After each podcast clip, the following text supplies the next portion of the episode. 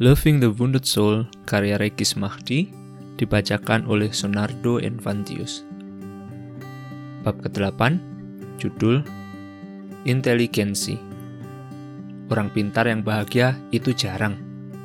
Jangan pernah berpikir bahwa depresi adalah penyakit yang hanya menjangkit orang lemah, bodoh, malas, tidak beriman, atau enggan berjuang. Hasil observasi saya justru menunjukkan hal yang sebaliknya dari pengalaman saya berinteraksi dengan puluhan orang dengan depresi, kebanyakan dari mereka justru merupakan orang-orang terpandai yang pernah saya kenal. Mereka adalah orang-orang yang didiagnosis sebagai anak-anak gifted oleh psikiater. Keingintahuan mereka begitu besar sehingga mampu menguasai banyak bidang ilmu, yang disebut dengan multi-potential light. Mereka adalah orang-orang yang mempelajari semua agama dan sejarahnya, yang mempelajari semua aliran filsafat dan sejarah dunia, yang terbaik di kampus, yang sangat berprestasi, dan yang menciptakan gerakan sosial. Gifted dan depresi. Seorang teman Indonesia yang tinggal di Manchester menghubungi saya untuk menceritakan depresi berat yang ia alami.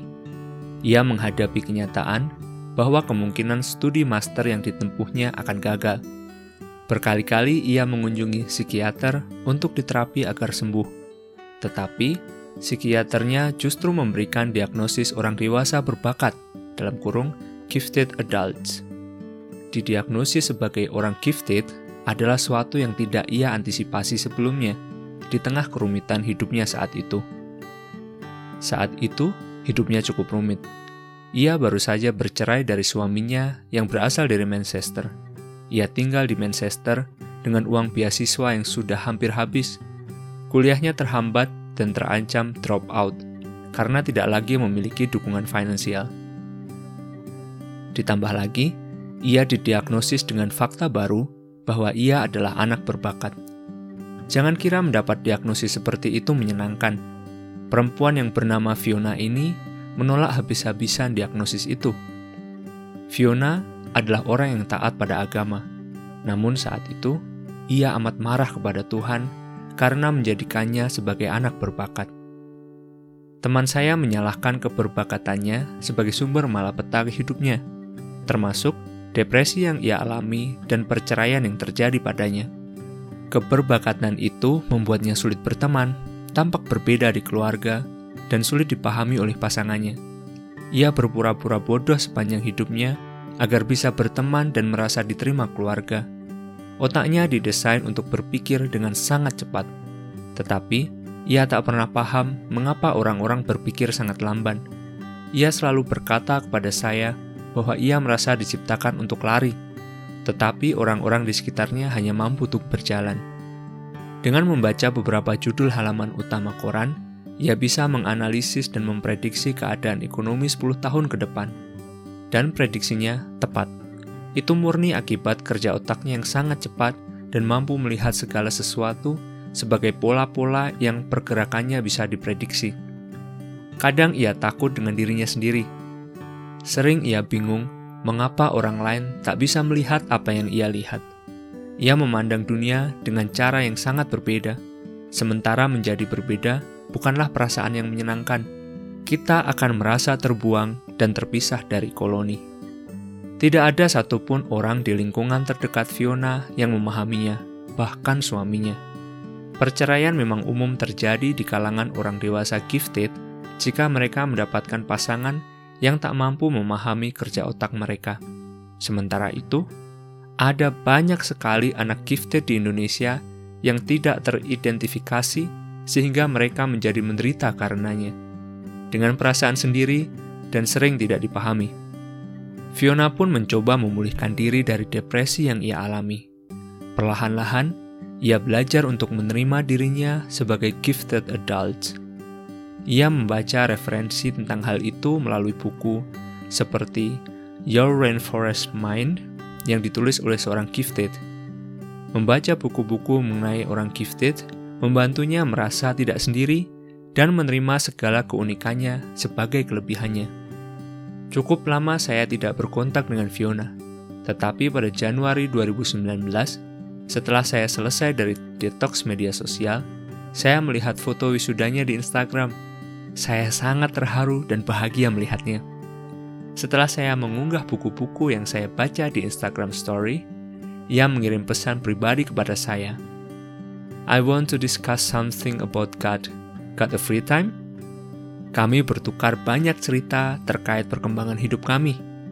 Ia menyampaikan kepada saya bahwa ia akan menetap di Manchester untuk sementara waktu karena mendapatkan tawaran kerja dari Gifted Adults yang menjadi CEO perusahaan top dunia. Dia belum bisa kembali ke Indonesia karena terlalu banyak memori pahit yang akan membuatnya merasa terbuang lagi.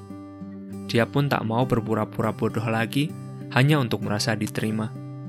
Kemampuan berpikir logisnya membuat ia memiliki banyak pertanyaan tentang Tuhan. Fenomena tersebut sangatlah wajar. Orang-orang gifted akan memiliki persepsi yang berbeda mengenai Tuhan daripada orang kebanyakan. Semakin tinggi inteligensi seseorang, semakin besar kemungkinannya untuk tidak memeluk keyakinan tertentu. Ditambah lagi, ia telah mengalami transformasi besar-besaran dalam hidupnya. Episode depresi mayor, perceraian, hampir gagal studi, krisis finansial, serta mendapatkan status baru sebagai gifted adults. Di sekolah, Anak-anak gifted sering dianggap nakal dan tidak suka mendengarkan. Padahal, mereka melakukannya karena sudah memahami apa yang dijelaskan guru mereka. Di rumah pun, mereka sering dianggap susah diatur dan aneh oleh orang tua dan saudara mereka. Perasaan terisolasi sejak kecil ini membuat anak-anak gifted rentan dengan depresi. Saya rasa ini adalah saatnya kita semakin terbuka, menerima, dan merangkul orang-orang seperti Fiona high achiever, dan depresi. Selain pada anak-anak gifted, depresi banyak saya temukan terjadi pada kategori high achiever. Mereka adalah orang-orang yang IPK-nya atau indeks prestasi kumulatifnya bulat 4 atau minimal cum laude. Mereka adalah orang-orang yang mendapat gelar mahasiswa berprestasi di kampusnya. Mereka memimpin organisasi, membuat gerakan sosial, dan memenangkan kompetisi nasional dan internasional. Mereka mendapatkan pekerjaan terbaik di antara teman-teman kuliahnya dan menjadi orang hebat di pekerjaannya. Mereka adalah orang-orang yang terlihat sempurna di luar. Namun, pencapaian mereka hadir dengan segala efek samping. Mereka merasa bersalah ketika menikmati waktu senggang, sehingga merasa konstan dalam kegelisahan. Mereka selalu bekerja untuk mendapatkan kesempurnaan dan menjadikan prestasi sebagai standar harga diri mereka. Mereka sering kurang tidur karena ingin menghabiskan waktu untuk bekerja dan menjadi yang terbaik. Mereka tidak pernah merasa cukup karena standar yang mereka ciptakan sangat tinggi. Mereka berhasil menjadi yang terbaik, tetapi sering merasa kesepian karena tidak ada orang lain yang berdiri di puncak kesempurnaan. High achiever menjadi tidak sehat ketika motivasi yang mendasarinya adalah perasaan tidak sempurna dan perasaan tidak berharga dalam diri. Sebagai contoh, ada seorang anak yang tidak pernah dipuji sama sekali oleh ayahnya. Ia tumbuh menjadi anak yang sangat berprestasi dan sukses di karir karena satu-satunya tujuan hidupnya adalah untuk mendengar pujian dari orang tuanya yang tak kunjung ia dapatkan sampai ayahnya meninggal. Contoh lain adalah seorang anak yang selalu dibully sejak kecil karena bentuk fisik atau perbedaan karakteristik yang ia miliki. Tidak sedikit anak-anak korban bully tumbuh menjadi mahasiswa berprestasi di kemudian hari. Kadang, motivasi yang mendasari tindakan mereka adalah pengakuan dari orang-orang sekitar, karena selama ini mereka selalu diremehkan. Prestasi dan pencapaian yang didapatkan dengan motivasi seperti ini sering kali justru menyisakan kekosongan yang mendalam dan membuat mereka merasa tidak pernah cukup. Regis si kaum langit. Ketika saya kuliah, beberapa teman memanggil saya dengan sebutan kaum langit karena aktif di dua research center yang berlokasi di lantai tiga salah satu gedung kuliah. Pada saat itu, tidak banyak mahasiswa yang aktif di research center, sedangkan saya malah ikut dua tempat. Selain aktif di research center, saya juga aktif di organisasi Badan Eksekutif Mahasiswa (BEM), baik di tingkat fakultas maupun universitas. Saya juga aktif membantu beberapa riset dosen, mengikuti hibah pengabdian masyarakat, mendirikan beberapa organisasi, ikut pertukaran pelajar di Swedia, dan beberapa kali mempresentasikan riset saya di konferensi ilmiah internasional. Selama berinteraksi dengan banyak orang dan mengikuti berbagai aktivitas dari tingkat desa hingga tingkat internasional, saya melihat banyak hal yang mungkin tidak teman-teman saya lihat. Saya memiliki pengalaman yang tidak dimiliki teman-teman dan keluarga saya. Pola pikir saya juga berubah akibat semua pengalaman itu. Di satu sisi, saya semakin terasing dari teman-teman dan keluarga. Di sisi lain, saya terus-menerus mengikuti berbagai kegiatan yang menyebabkan saya mendapatkan lebih banyak pengalaman dan melihat dunia ini dengan cara yang berbeda. Saya tidak tahu apakah saya anak berbakat atau bukan. Saya merasa biasa saja. Namun, yang saya tahu adalah saya melihat dunia dengan cara yang berbeda sedari saya kecil Hal ini diperkuat dengan pengalaman-pengalaman yang saya dapatkan selama kuliah. Untuk mendapatkan semua prestasi dan pengalaman, saya sering begadang di kafe yang buka 24 jam hingga pagi hari. Teman-teman kontrakan saya sudah paham dengan kebiasaan saya yang selalu pulang pukul 4 atau 5 pagi, tidur sesaat, kemudian bangun lagi untuk ikut kelas pukul 7 pagi. Saya mengorbankan banyak hal demi menjadi orang terhebat di mata teman-teman dan keluarga saya. Kadang, mereka juga heran mengapa energi saya tidak habis-habis untuk mengejar cita-cita saya. Saat itu pun, saya tidak tahu apa yang membuat saya memiliki energi sebesar itu. Belakangan, saya baru menyadari bahwa yang menjadi bahan bakar energi saya adalah perasaan inferior karena sedari kecil saya tak pernah mendapat pujian dari ayah dan kakak saya, juga tidak merasa dekat dengan teman-teman saya. Seringkali, saya juga menjadi target cemoohan teman-teman sekolah karena ketidakmampuan saya dalam berolahraga dan fisik saya yang agak gemuk. Dipanggil dengan kata-kata yang tak pantas adalah hal biasa buat saya. Dari perasaan rendah diri itu, saya bertumbuh menjadi sosok yang haus akan pujian dan prestasi saya mewujudkan semua amarah saya ketika kuliah dengan mengeruk prestasi sebanyak-banyaknya. Selama di kampus, beberapa kali saya masuk situs web resmi fakultas karena prestasi yang saya capai. Saya juga dianugerahi sebagai mahasiswa berprestasi di tingkat fakultas dan 10 mahasiswa berprestasi di tingkat universitas dari 10.000 mahasiswa Universitas Gajah Mada. Di tingkat nasional, saya sempat aktif dalam forum kepemimpinan dan menjadi top 10 graduates di Young Leaders from Indonesia. Ajang kepemudaan yang sangat bergengsi kala itu. Namun, semua itu rasanya masih tidak cukup. Ketika hampir lulus kuliah, saya sangat ketakutan karena lulus kuliah berarti saya akan kehilangan semua prestasi saya sebagai mahasiswa. Saya tidak berkesempatan lagi menjadi mahasiswa terbaik. Saya tidak bisa lagi mencetak banyak prestasi.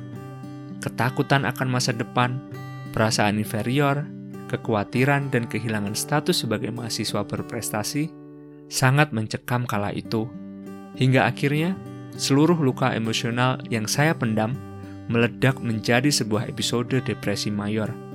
Di titik itulah, saya sadar bahwa saya bermasalah secara mental.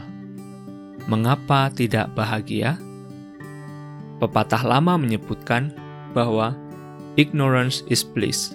Dalam kurung, ketidaktahuan atau ketidakpedulian adalah kebahagiaan. Benar adanya, hidup akan lebih mudah jika kita tidak tahu terlalu banyak. Hidup akan mudah jika kita bahagia menjalani ritual yang sudah dilakukan secara turun-temurun di lingkungan kita tanpa harus mempertanyakan mengapa seperti itu. Orang-orang gifted secara alamiah akan mempertanyakan semua hal yang bagi orang-orang sudah begitu adanya. Orang-orang high achiever akan memikirkan ulang segala hal karena mereka terpapar dengan banyak pengalaman. Beberapa orang menerima mentah-mentah apa yang dikatakan panutan atau orang tuanya. Beberapa lainnya tidak diciptakan untuk langsung menerima semua itu. Sedari kecil, mereka akan mempertanyakan segalanya. Mengapa yang disebut baik pasti baik? Mengapa harus ada kematian? Mengapa orang dewasa harus bekerja dan berkeluarga? Apakah Tuhan yang benar hanya satu? Apakah Tuhan itu ada? Mengapa ada yang terlahir sebagai orang miskin dan ada yang menjadi orang kaya? Mengapa ada yang terlahir sebagai budak dan ada yang terlahir di keluarga konglomerat? Begitu pula sederet pertanyaan lain yang jarang dipikirkan orang. Pertanyaan-pertanyaan ini kadang membuat mereka rentan terhadap depresi eksistensial. Depresi karena terlalu memikirkan makna eksistensi manusia di bumi ini. Orang-orang gifted dan high achiever juga cenderung merupakan orang yang perfeksionis mereka memikirkan suatu hal secara kompleks dan memiliki banyak pertimbangan, maka disebut dengan natural overthinker. Mereka memang rentan terhadap berbagai permasalahan psikologis karena otak mereka yang lebih aktif. Wajar saja jika Ernest Hemingway pernah berkata, "Happiness in intelligence people is the rarest things I know." Semakin banyak pengetahuan yang dimiliki seseorang, ada suatu fase ketika mereka akan merasa terbebani dengan semua pengetahuan dan keterbakatan yang mereka miliki. Di sisi lain, mereka memiliki kesempatan untuk bisa mencapai kebijaksanaan dengan pengalaman, keluasan, dan kedalaman pengetahuan mereka.